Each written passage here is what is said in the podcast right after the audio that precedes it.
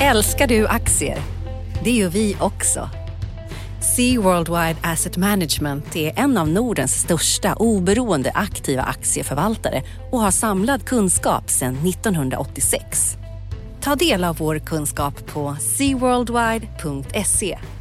Bokstaven C, worldwide.se.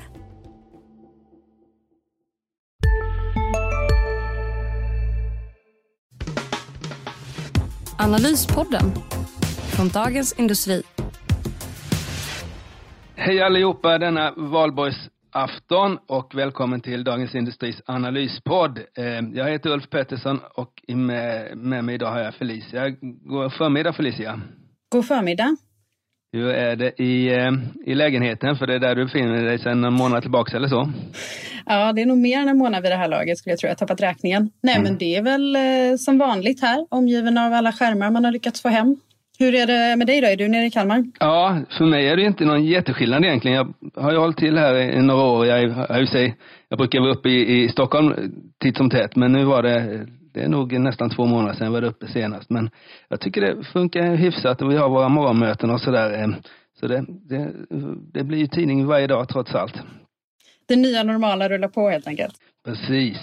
Du, den här veckan då, det är ju en, en kort vecka. Eh, men har också varit eh, förstås intensiv som alla andra veckor. Vad, mm. Är det något särskilt du tycker vi ska, ska diskutera idag? Jag är framförallt väldigt nyfiken på hur börsen går just nu och hur det rimmar med hur ekonomierna världen över utvecklas. Vi har fått lite ny data den här veckan. Vi har fått lite nya uttalanden från centralbanker den här veckan som är rätt dystra får man ju säga eh, allihop. Men börsen verkar ju gå ganska bra i alla fall. Just idag är den ner lite grann men inte mycket ner.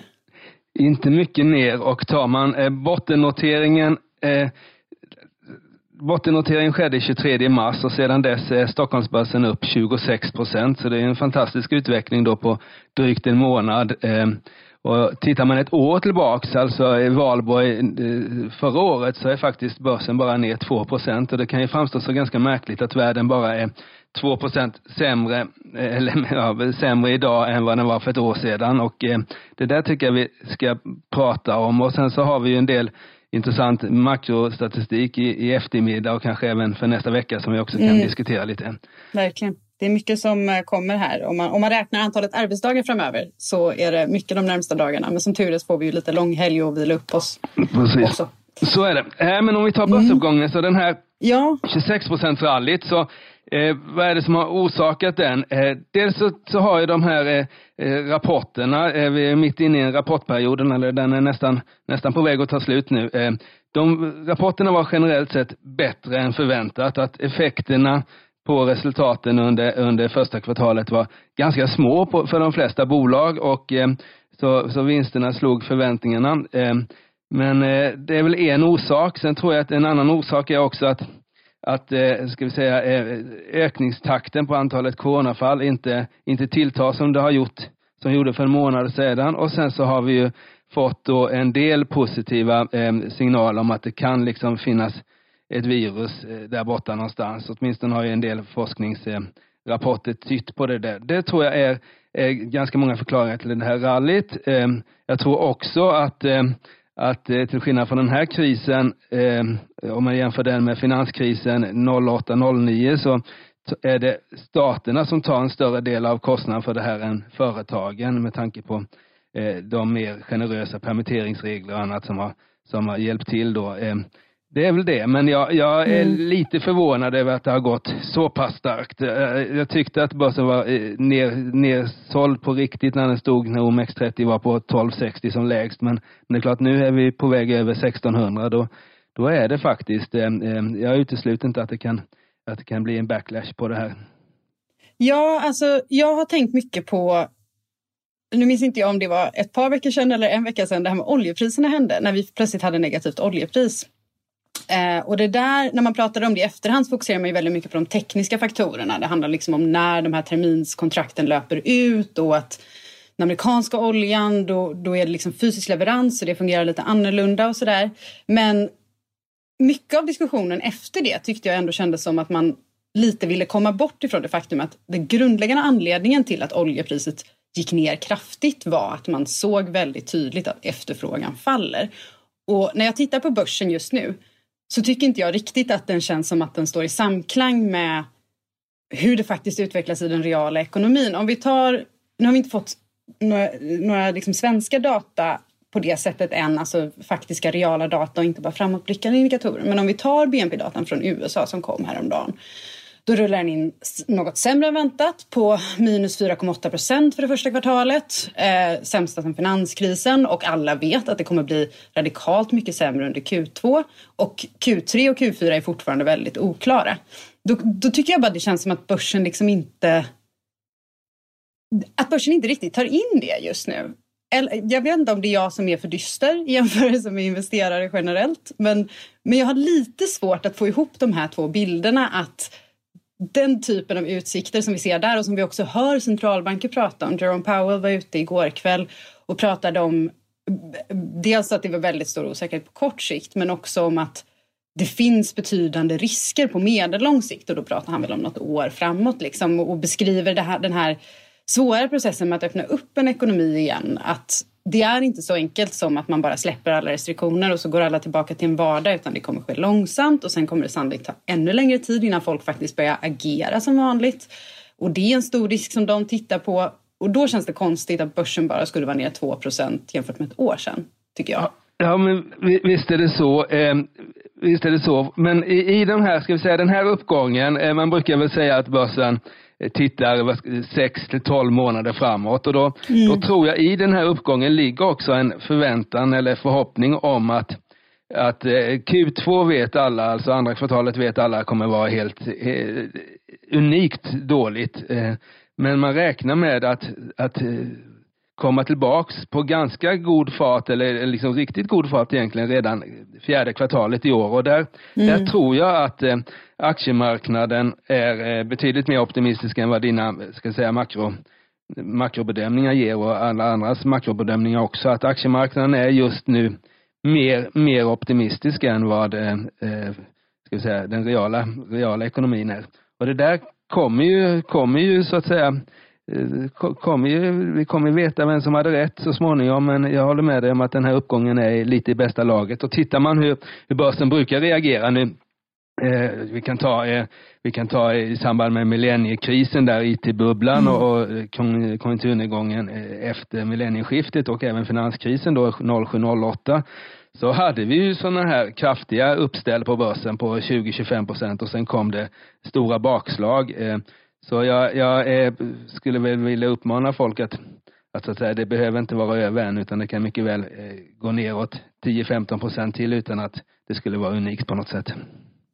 Ja, nej, så från makroperspektivet tycker man ganska ofta att börsen känns väldigt optimistisk. Så det är ju liksom ett mönster som man är van vid. Det blir bara så stora skillnader ja. i synen just nu eftersom det är ett så extremt läge.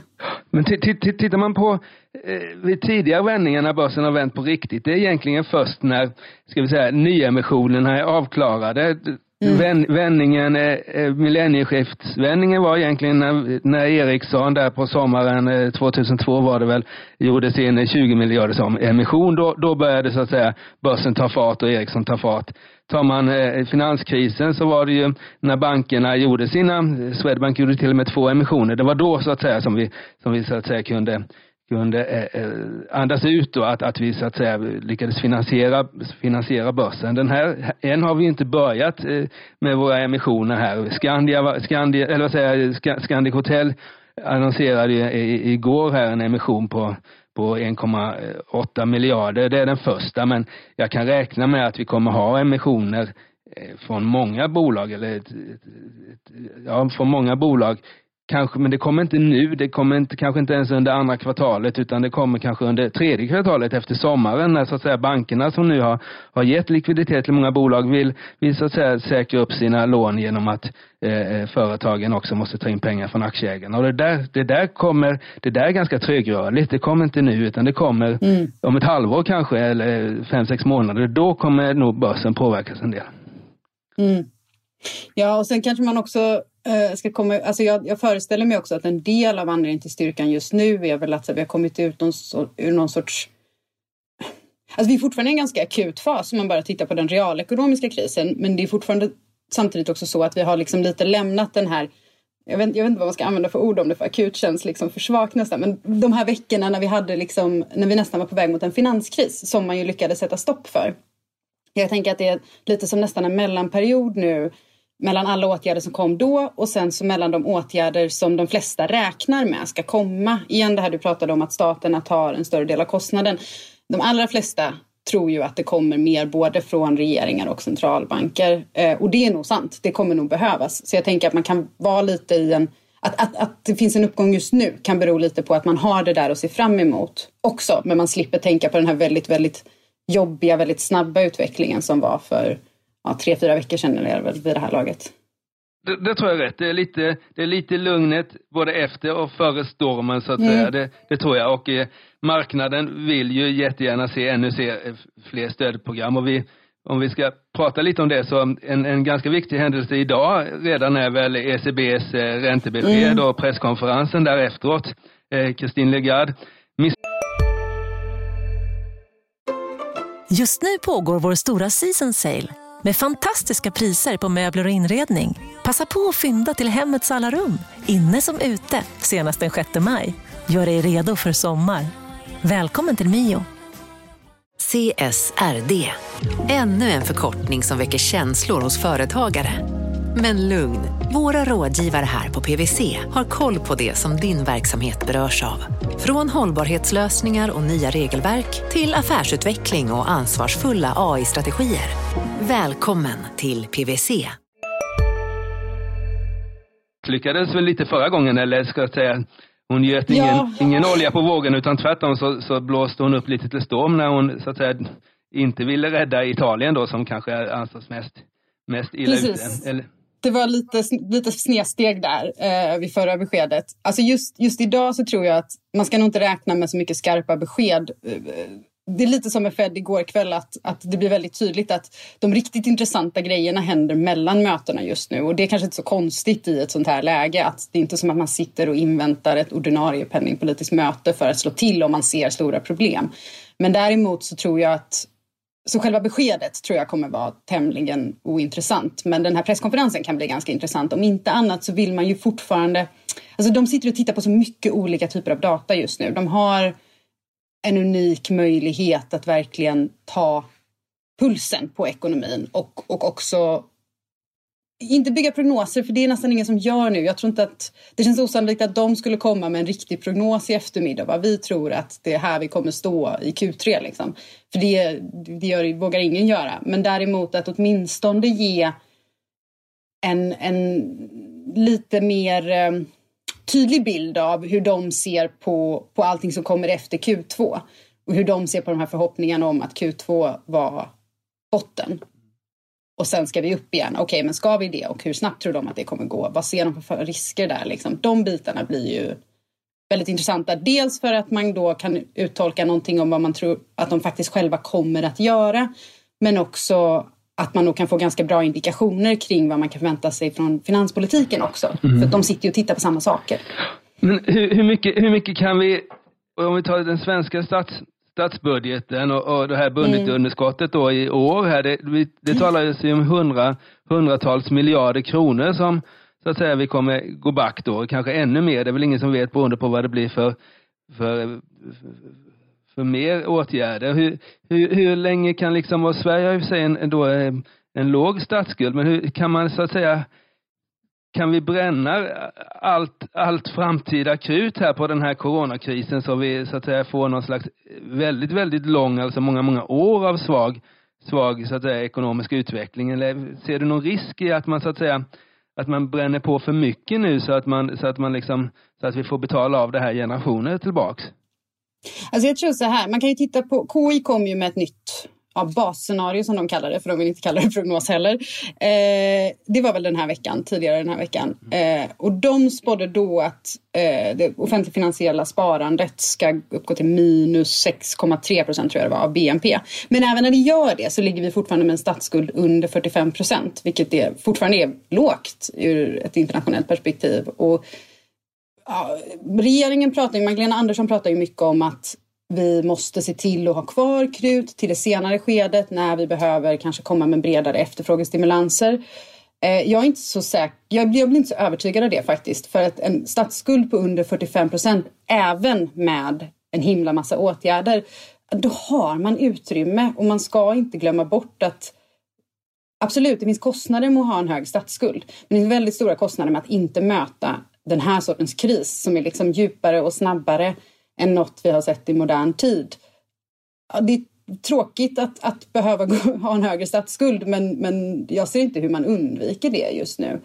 Eh, faktiskt. En, en, annan fråga som jag har funderat på i, i, så att säga, makroområdet här, det är ju räntorna då, att man så att säga, för det, är det man inte vill ha är ju en ränteuppgång driven av ökad riskpremie, så att säga, mm. även på ska vi säga, statsobligationer då, att, för nu har vi ju, räntorna har ju förblivit låga, åtminstone på liksom de mest säkra tillgångarna i, eh, här i världen. Vi har ju sett eh, eh, stigande spreader ett tag i alla fall mellan länder och framförallt på företagsobligationsmarknaden och sånt där. Men ska vi säga de, de här de, den stora delen av, av räntemarknaden har ju förblivit låga här. Kan man tänka sig liksom att vi till följd av lägre produktivitet och annat och liksom framförallt risk, ur ett riskperspektiv får, få rejält stigande räntor även om inflationen förblir låg och sannolikt sjunker här, eller hur, hur ser du på mm. det?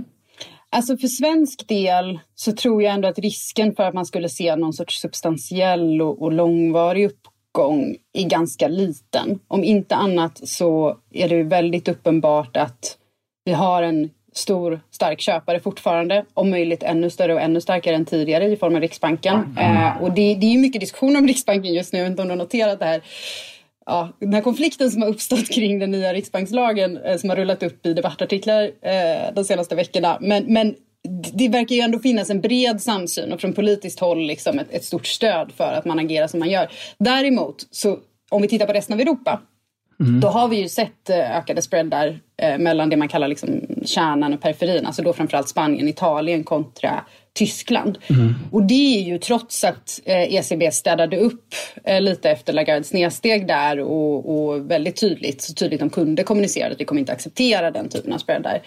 Eh, så där, där ser man ju de här problemen utvecklas. Men det är ju också länder med eh, högre statsskulder till att börja med och sämre produktivitetsutveckling till att börja med. Så jag, jag tror, jag är inte så orolig för svensk del mm. om inte det här utvecklas till en enormt utdragen kris. Men däremot så kommer vi se en tydligare segmentering i Europa. Det tror jag är ofrånkomligt. För det är ju inte bara vi som behöver bomba på och öka våra statsskulder just nu. Och vi råkar ha ganska bra förutsättningar för att göra det. Men det finns gott om länder i övriga Europa som absolut inte har det faktiskt. Innan vi stänger för idag Felicia, vad är det du ser fram emot under helgen här och nästa vecka, vad är det som kommer så att säga påverka eh, marknaden och ditt och eh, mitt jobb? Ja, jag kommer framför allt titta på, vi har ju PMI-vecka nästa vecka, så vi får eh, industri-PMI från ett antal länder, Europa, Sverige, vi får det här kinesiska Caixin-PMI redan på måndagen och sen kommer tjänsterna senare under veckan. Och det där blir intressant, alltså PMI-erna är ju, inköpschefsindexen är lite svåra att hantera just nu. Men samtidigt ganska viktiga just nu. Jag tycker de är särskilt användbara när man befinner sig i vändpunkter i konjunkturen. Och det får man väl verkligen hoppas att vi gör just nu. Vi har ju sett, Kina ligger lite före. Vi har redan sett att, att det har vänt upp där. Men man ska också vara försiktig med hur man tolkar det för att även om i och med att inköpschefsindexen mäter förändring jämfört med föregående period så kan det se ganska starkt ut fast Egentligen så är det inte så starkt för att fallet tidigare var så himla stort. Så de är lite svårare att hantera nu än normalt. Men jag tycker också att de är viktigare nu än när allting flyter på som, som det ska. Mm. Då, då ger de inte riktigt samma liksom, starka indikation om ifall vi har sett botten eller inte. Så de ska bli jätteintressanta att titta på. Bra.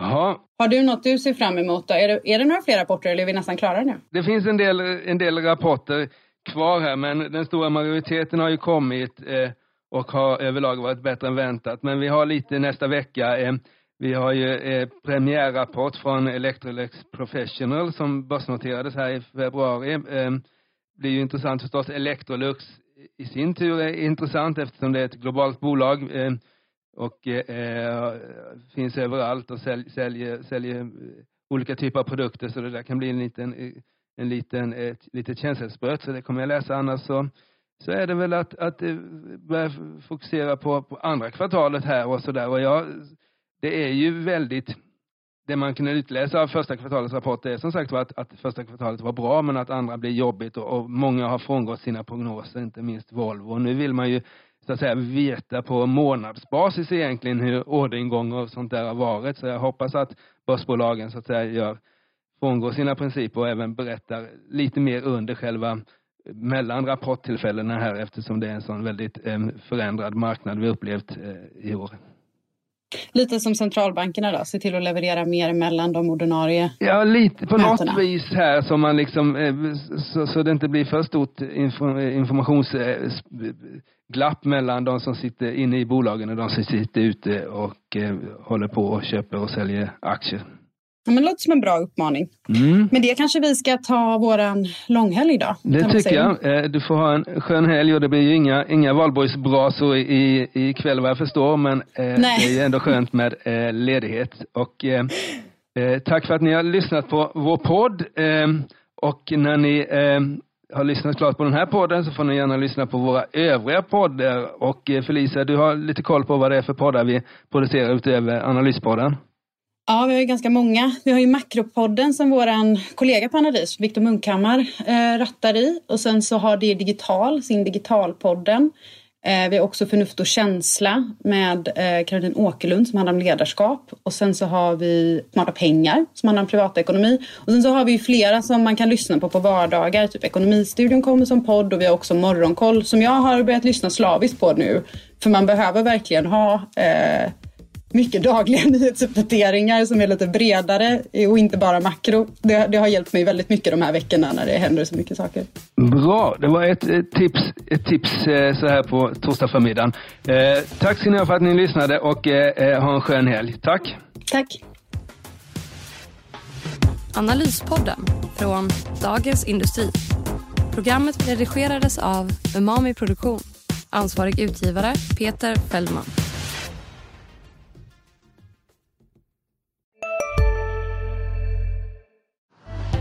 Älskar du aktier? Det gör vi också. Sea Worldwide Asset Management är en av Nordens största oberoende aktiva aktieförvaltare och har samlad kunskap sedan 1986.